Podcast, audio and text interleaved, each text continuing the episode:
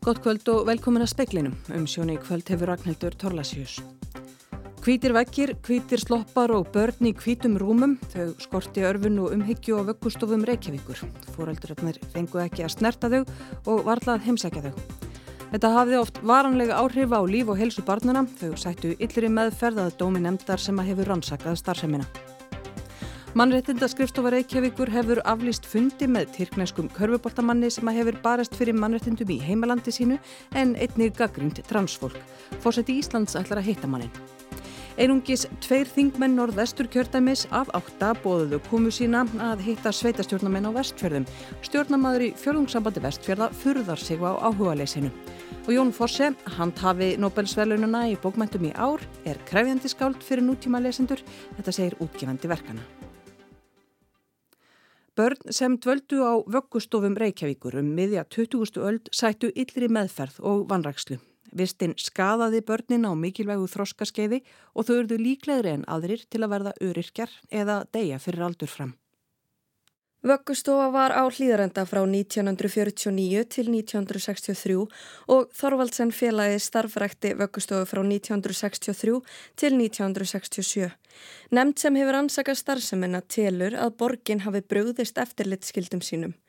Fóreldrar fengu varla að heimsækja börnin eða snerta þau og skortu þau örfun á mikilvægu þróskaskeiði.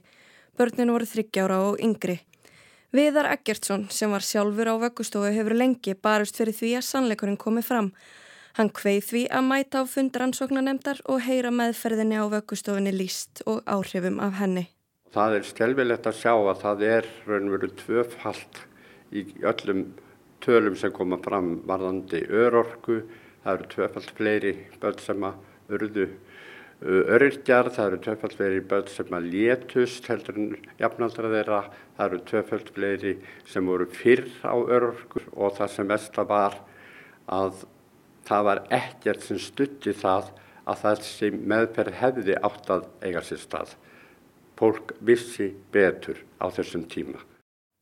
Þetta var Viðar Eggertsson, valgerður Þorsteinsdóttir saði frám. Og það verður rætt við Kjartan Björgvinsson, formann vöggustofun nefndar síðar í speklinum og einnig við Árna Há Kristjánsson sem var vistaður þar á vöggustofu í frumbensku. Evrópuþingið sakar Azerbaijanum þjóðverðnis hreinsanir í Nagorno-Karabakh í álegtun sem samþygt var í morgun. Þar er Evrópusambandið kvart til þess að beita háttsetta stjórnmálamenn Azerbaijan refsi aðgerðum.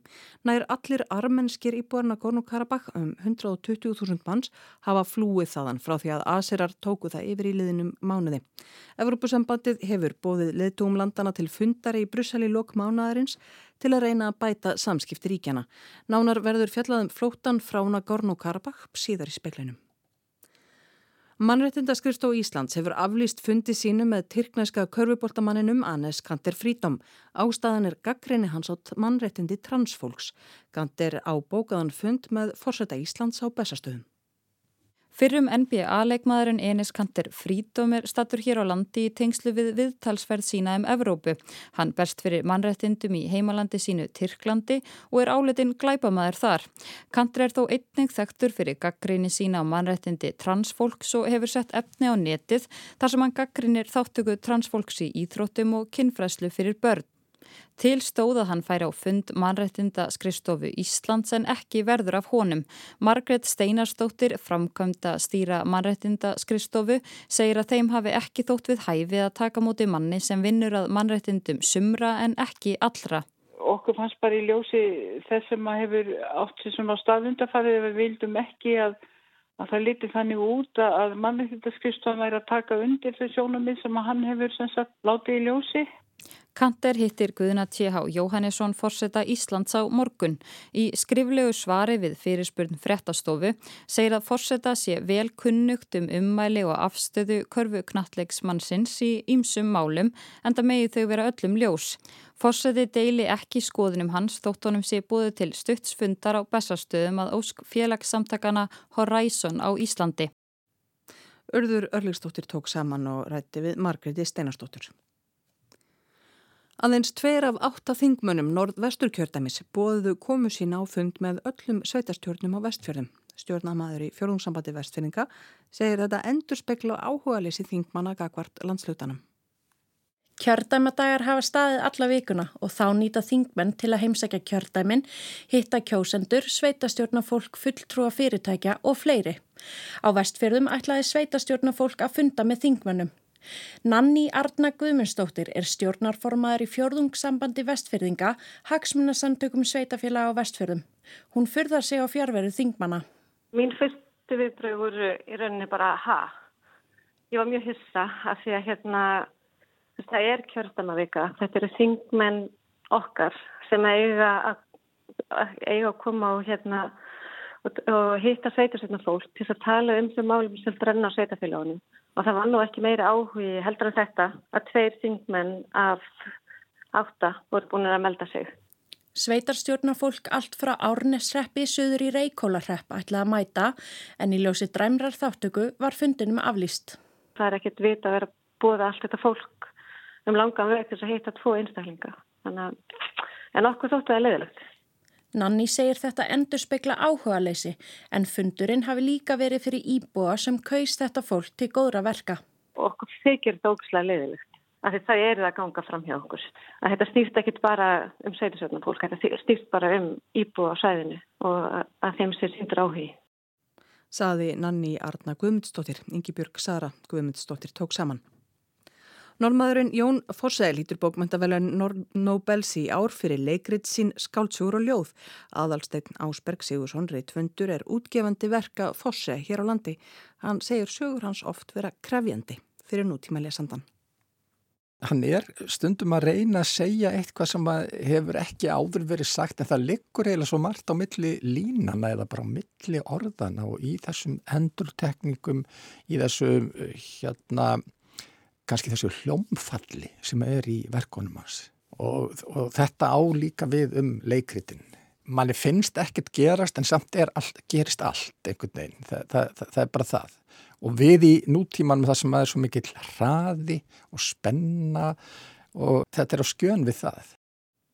Saði aðalstegn Ásberg Sigursson í Víðsjá í dag.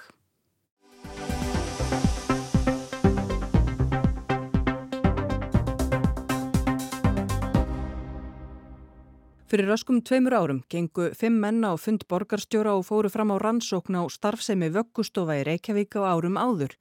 Þeir hefðu allir verið á vöggustofum í frumbernsku og það var ráðist í rannsókn og niðurstaðan byrt í dag. Á 250 blaðsíðum er annars vegar fjallaðum vöggustofuna hlýðarenda sem var starfrækt frá 1949 til 63 hins vegar vöggustofu Torvaldsen félagsins sem tók við af hlýðarenda frá 1963 til 73. Á þessum aldarfjörðungi voru 1083 börn vistuð á vöggustofunum, stundum á ótilgreindum félagslegum ástæðum, sökum fátæktar, veikinda foreldra, óreglu, stundum vegna þess að maðurnar voru ungar, þurftu að vinna og höfðu ekki vistun eða húsakostur var óbáðlegur. Femmenningarnir sem gengu á fund borgarstjóra voru Fjölnir Ger Bragason, Hrafn Jökulsson, Tómas Vaff Albertsson og Viðar Eggertsson, auk Árna Há Kristjánssonar. Árni kom í hljóðverð speilsinn skömmu eftir að niðurstaðan var kynnt í dag. Árni, þið voru þarna fimm Já. sem genguð á fund borgarstjóra. Já. Nú eru eftir þrýr. Já, því miður. Það voru tveir góði félagafallinni frá Fjölningeir Bragason og Rappjökulsson og ég hefði svo gerðan viljað að þeir hefðu verið bara verið í dag með okkur viðar ekki sinni í ráðusun og hlustað á formanemndarinnar, rannsóknemndan lýsa helstu niðurstöðum því að þær voru í rauninni þess aðlis að við gátum ekki óska okkur neins meira í rauninni. Það er að segja að það er viðu kent að börn sem voru vistuð á vöggustofan borgarinn að sættu ílri meðferð og líka það lagti grundvallar að eðli starfsáttana bauði ekki upp á neitt annað en ílla meðferð á öllum börnum sem þar voru vistuð. Við heyrum meira í árna síðar. Gerðar grein fyrir niðurstöðunum í Ráðhúsi Reykjavíkur í dag. Urður Njarðvík, professor í barnasálfræði við Háskóla Íslands, fjallaðum þroska barna á fyrstu þremur æfi árunum. Elli Alda Þorsteinsdóttir félagsráðgjafi fjallaði um samfélagslegar aðstæður í Reykjavík á þessum árum og af hverju börn voru sett á vöggustofunar. Formaðurinn Kjartan Bjarni Björgvinsson, dómari, sagði helstu niðurstöðuna vera, eins og Árni sagði, að börnin sættu yllir í meðferð. Já, þessi illa meðferð, hún fælst náttúrulega fyrst og fremst í ákveðnum starfsáttum og verklagi sem er viðhaft. Við erum ekki að draga einstaklingar til ábyrðar um einhverju einstaklingar hafi verið vondið við börn eða eitthvað þýjumlíkt eða beittu ofbeldi. En starfsættinir hennir sem við gaggrínum, þeir lýsa sér fyrst og fremst í því að það er skorið alfærið á tengsl fólöldra og barna, þannig að fólöldra fá ekki að hitta börn sín og halda á þeim og snerta þau yfirgræðandi fölta tilvika að því verðist 49-63 og svo frá 63 til 67 eh, þá verðist þetta vinnulega hafa verið viðhaft. Þannig verður algjört tengslarof milli fóðuldra og barna. Það eru aðri þættir sem koma inn í líka. Til dæmis eh, verðist ekki að það hefði verið eh, færa á því að börnum verði veitt persónlega umönnun á vöggustofunum sem kæma einhverju leiti í svona, auðvitað kemur enginn í stað fóðuldra en sem geti vegið upp á mótu þessum skada sem fjárvera fóðuldra er Við förum ítalega yfir umhverja vöggustofuna, skortur á svona eh, ykkur sem eh, örfaði börn til þroska, börn fóru lítið út, vegginir eru þarna hvítir, þetta er rauninni allt rakið ítalega og kannski sérstaklega tilvikið hlýðarenda. Við fundum dæmið þessi samtíma gögnum og gögnum frá barnandanemnd að það hafi verið einn starfsmöðar á kvöldvakt og hlýðarenda og einn á nætuvakt sem áttu að vera með 22 börn á aldrinu 0 til 20 ára. Þannig að þetta telir við náttúrulega allsendis ofullnægendu að ekki geta flokkast undir eðlilega meðferð á börnum. Stundum er rætt að þetta hafi verið einhvers konar tíðarandi, að svona hafi þetta verið, þetta hafi bara verið svona í gamla daga. Við gerum ítalega grein fyrir því sem lág fyrir á þessum tíma um hvernig ætti að annast börn og það er meiri að segja rauninni bæklingu frá barnavendanend sem er gefin út 1950. Það sem er lögð áherslu á, rauninni persónuleg tengsl fólöldra á barna eða við annan umunurraða hversu ofbosla mikið vakt það er. Kanski fleiri dæmi við sjáum raunin þess að, að, að, að sérfræðingar sem er að skila álískerðum til borgarinnar og auðvitað bara, bara starfsfólk badnavendanemdar, það er að lýsa yfir áhugin sínum á því að börn séu of lengi á vöggustofunum og það þurfi einfallega að koma þeim í fóstur til að þau komist á enga heimili, að það sem þau fái persónleir umönun hægt er að veita á stofnunum. Það virtist eins og að vera erfileikum bundið og við sjáum til dæmis bref frá badnavendanemnd 63 þar sem hún til sér hinnlega ekki hafa heimildir til þess að, að setja badn í engafórstur ef fóreldrar uh, lýsa sér andfingum. Finnið einhverju aukstöðning fyrir því af hverju þessi háttur var hafiður á? Það er unni erfitt að, að finna beina skýringar og við þurfum þetta við huga við erum að aðtöða eitthvað sem gerðist fyrir 70 árum og, samtíma heimildir eru ekki uh, kannski alltaf greina goðar um allt það virðist að einhverju leiti sem það hefði verið ákveð að koma bara á sipuðu fyrirkomulagi á vöggustofunum og var við haft að barnadildum á landsbytalans um einhver tíma. Það er kannski stór munið þarna á því leiti að börn á spítulum eru auðvitað ef einhverja vanhelsu eða sjúkdómastríða sem ger það verkum að það er ennþá verið þörfuð að vernda þau fyrir utan að komandi síkingum, þau eru jafnlega fyrir aðgerðir og fleira. En börn á vöggustofunum, þau voru almennt ekkert veikar en önnur börn við, við höfum skoðað rauninni skýslur um annars hvert og eitt einasta þeirra. Heilsufærið þeirra var almennt síðan ekkit ábúndavant þannig að það að loka svona á samskiptin fyrir heilbrið börn sem voru þarna stundum mánuðum og ekki árum saman það finnst okkur svolítið sérstaklega vinnulega. Vi, við sjáum bara ein, einfallega engar málefnunar ástæður sem gáttu réttlætt þetta. Hverjar voru ástæðuna sann af hverju börn voru tekin af fóröldum sínum og, og sett inn á þessu stöður? Sko ástæðar fyrir að börn voru sett á vöggustofunar eh, voru mjög margbreytilegar og reyndar er pínur sláðandi að í 35% tilvika þá höfum við, jafnvel eftir að það færi í gegnum öll gögn barnavendanemndar eh, Reykjavíkur á árabilinu 49-73 að hefur okkur ekki tíkist að finna ástæðana fyrir því að börn voru vistuð þarna. Það sem við fundum skýringar, það voru algengast bara að það veri nefnt ótilgreyndar félagslegar ástæður en það sem er pínu svona sérstakt í ljósi einangurna barnana er að í mjög mörgum tilvökum þá voru börn þarna ekki vegna þess að fóreldarskorti hæfni til annastu. Heldur var staðan oft þannig að það var húsnæðis, dagvistunarvandi eða fátækt og þessi þættir auðvitað blandast allir saman. Mörg dæmið um það að móðir var í námi, gæti ekki haft badnið þar sem hún var í námi eða, eða hún var einfallega einstað, þurfti að vinna úti til að geta safna sér fyrir íbúð og lagt eitthvað fyrir. Það voru bara ekki önnur úrræði búið, það voru engin leikskóla til staðar. Þetta var eina úrræðið sem bauðst og það var oft eftirspurn var umfram frambóð á tímabölum. Þið reynir svolítið að leggja mat á hverja áhrifum voru til lengri tíma? Eh, við náttúrulega skoðum skipulega hversu mörg börn fóru á aðrar stofnunir sem voru á, á sviðið barnavendar.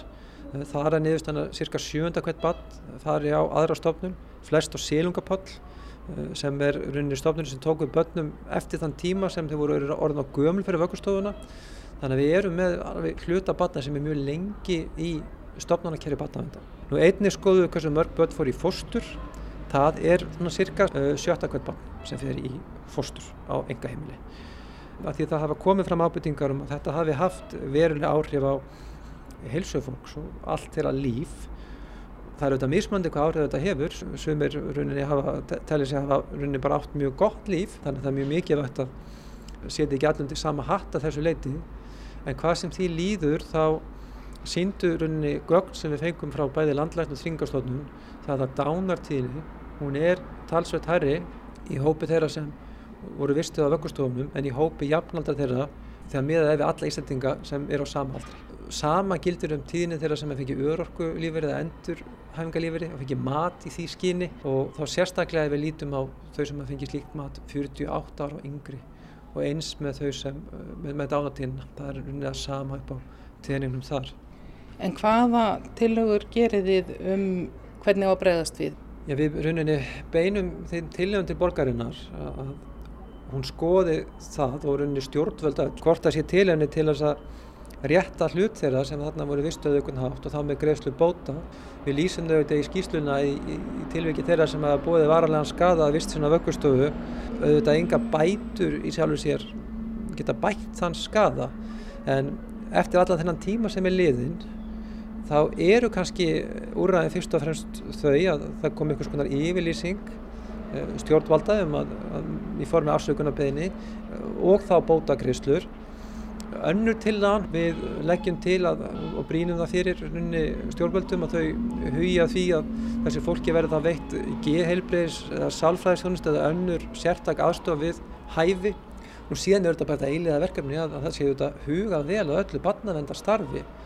Svona eitt lærdomi sem ættir að draga að þessu, það vita mjög margir á þeim tíma þegar þessar vöggustöðum eru starfandi að það er óaskild að börn verða lengi og þetta er ekki heppilegt og það er að draga úr þessari starfsemi samt gerist þetta því miður frekar hægt og það er ekki fyrir en rauninni ofinberg gaggrinni kemur fram í borgarstjórn á starfsemina 67 að hjólinn fara að snúast en þá virðast þau að vera sluti breytast mjög hratt til eins betra Aftur til Árna Há Kristjánssonar sagfræðing sem sjálfur var á vöggustofu nánast allt árið 1962 vegna óreglu fóreldra sinna. Þá var hann á fyrsta og öðru aldursári. Fyrir nokkrum árum hitti Árni gamlan félaga fyrir tilvílun, Hrafn Jökulsson og í ljós koma þeir höfðu báðir verð á vöggustofu. Þeim fannst ástæða til þess að fara hann í kjölin á starfsemi þeirra. Árni fór sjálfur að grúska í málunum, abla gagna og skoða heimildir sem hann segir að hafa ekki verið mjög aðgengilegar. Það sem hann þó fann vakti með honum óhug og hann helt áfram. En gefur skýrslan eftir því sem að Árni hefur náða klukka í hana raunsanna mynd af því sem hann sá sjálfur í sínu grúski. Já, ég myndi segja það. Að vísu er nálgun nefndarinnar kannski öðruvísi en mín því að hún er að reyka þarna sögu eftir ofnbærugagnum. Hún er ekki að leita sögutólkun. Ég var nú reyndar ekki að því heldur en þeir bara komu ofum beðnir þannig að það vantar helst í fljótubræði með náttúrulega fyrirvara um það ég bara búin að hafa eitthvað þrjúkvart að klukka í þetta að það vantar þarna eina grundvallar ástæði. Af hverju var þetta við líði svona lengi? Starfsættir sem bröti báa við fyrirleikjandi þekkingu, e, mannlegt eðli og heilbriðaskinsemi. Það kemur fram í þessari ágætu skýslu að eftirlit var ekkert. Það var einn maður, læknir, sem reyði ríkjum á vöggustofan borgarinnar og hans orð voru í rauninni íkildi eftirlits. Og það sem er sárast er að vittneskjaðin skaðsemi slíkara starfsáta lág fyrir frá upphafi 1949. Fólk vissi betur? Að, já, já, það, því hefur verið e, haldið fram að fólk hafi verið að gera sitt besta, þetta hafi verið tíðarandin, ekki vita betur, þetta er allt kolrand og eins og Markov komið fram þá var maðurum forbóðið að, heimsækja í rauninni börni það máttu koma og kíkja gegnum glerið en þá var vangi barnan að snúa frá þeim og það mátti einhver hluta vegna ekki taka sengin af þeim. En það sem er náttúrulega svo ótrúlegt að þetta er við líðið svo lengi og eftirlít skildir aðla brugðuskjörsamlega og þá nefni ég náttúrulega fyrst og fremst landlæknisembati en einnig eh, barnavendar áð og barnavend Reykjavíkur að lögu sam, samkant á höfðu þessi aðeinar allir eftirlitskildu en það kom fram á fundi áðan að e, það var aðeins ein heimsókn á vöggustofuna að hlýðarenda og ein á vöggustofuna hérna Torlasensfélagsins á öllum þessum árum. Já, 25 ára tímpil. Já, en ég ætla nú ekki bara að hossa skýslinu þó ég sé svona nokkuð ánæða með hann. Það er eitt atrið sem er bagalegt að það er það tímabil sem rannsóknin spannar. Hér er miða við 1949 til 1973. Það er í fljótu bræði eðlegt því að þá var vöggustofan Torfaðinsfélagsins lögð nýður formlega. En við tók svona eins konar upptöku heimili í sama húsnæði og á því heimili var deild, vöggustofu deild sem var reygin og óbreyttri mynd til ársins 1979. Það var alltaf fjölmörg börn frá árið 1973 til 1979 sem voru vistu semst á þessari vöggustofu. En einhver hluta vegna þá var ákveð að sleppa því að fjalla um þá starfsemi. En það var vissulega vöggustofa sem var rekin eftir sem áður á vegum og ábyrðir ekki okkurborgar. Örni, hvað nú? Er, hafið þið náð fram eða hef, hefur þú náð fram því sem að þú vildir með því að þetta er það rannsakað eða? Sko, markmiðinu er náð markmiðið var að fá ofnverðaransókn og hún likur fyrir. Nýðustöður eru þess aðlis að ég ger í og sér ekki miklar aðtóasendir en þó að það, ég njótu um að það vandi ímislegt þarna þá hérna er þetta mjög svörskísla. Hún er það. Og bara áfællist ómur yfir borgar yfirveldum á þeim tíma og eftirlit skildum aðalum. Sagði Árni Há Kristjánsson. Áðurætti Anna Kristín Jónsdóttir við kjartan Bjarnar Björgvinsson. Og réttir að benda hlustendum á áhrifamikla þætti viðars Ekkertssonar um vöggustofana hlýðarenda. Þættirnir eru frá árinu 1993. Þeir heita eins og dýr í búri og eru alltaf aðgengilegir í spilararúf.